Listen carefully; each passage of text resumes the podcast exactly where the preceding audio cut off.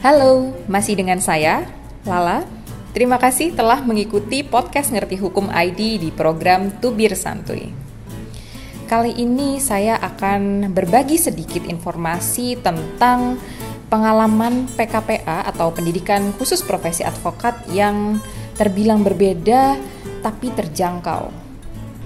Pendidikan khusus profesi advokat atau yang biasa dikenal dengan PKPA menjadi tahap penting jika seorang sarjana hukum atau berlatar belakang pendidikan hukum hendak menjadi advokat. Selain menempuh PKPA, para calon advokat juga diwajibkan magang di kantor advokat selama 2 tahun dan membuat laporan pelaksanaan magang kepada organisasi advokat. Menjadi advokat yang dikenal luas dan secara bisnis mampu untuk tumbuh dan berkembang menjadi tantangan tersendiri. Selain harus menjaga integritas profesi, seorang advokat juga harus mampu untuk mengetahui bagaimana menumbuhkan bisnisnya dalam bidang jasa hukum ataupun jasa pelayanan hukum. Namun advokat juga dituntut untuk tetap memperhatikan kepentingan masyarakat yang miskin dan juga buta hukum. Pelayanan hukum untuk masyarakat miskin dan buta hukum bukan hanya tanggung jawab dari berbagai organisasi bantuan hukum, namun, advokat melalui kantor advokatnya juga diminta berperan aktif dalam memberikan jasa hukum secara pro bono. Di sisi lain, munculnya berbagai regulasi dan tren perkembangan baru di tingkat nasional dan internasional juga wajib diperhatikan.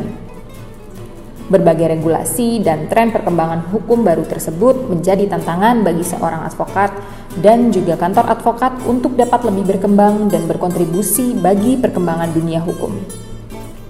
Karena itu, fondasi dasar untuk menjadi seorang advokat harus kuat dan makan.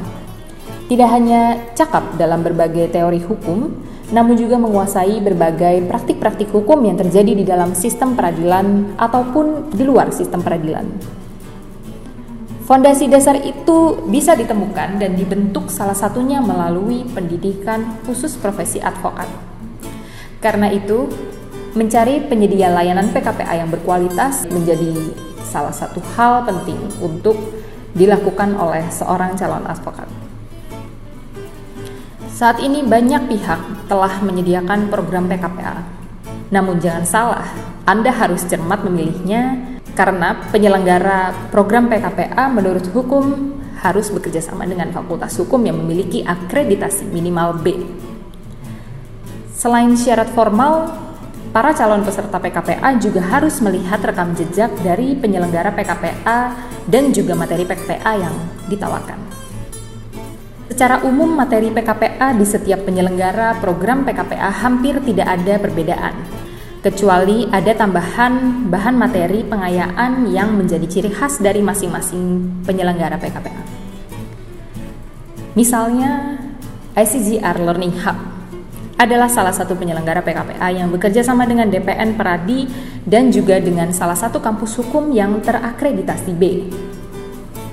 ICGR Learning Hub sendiri telah menyelenggarakan 7 kali PKPA sejak Oktober 2018.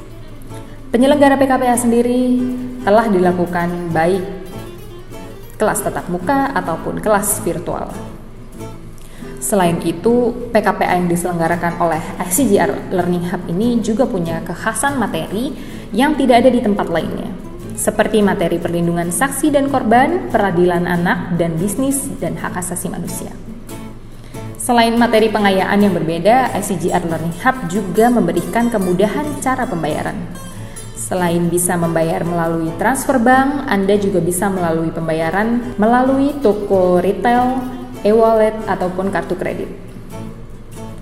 Nah, tunggu apa lagi? Segera daftar PKPA di pkpajakarta.com.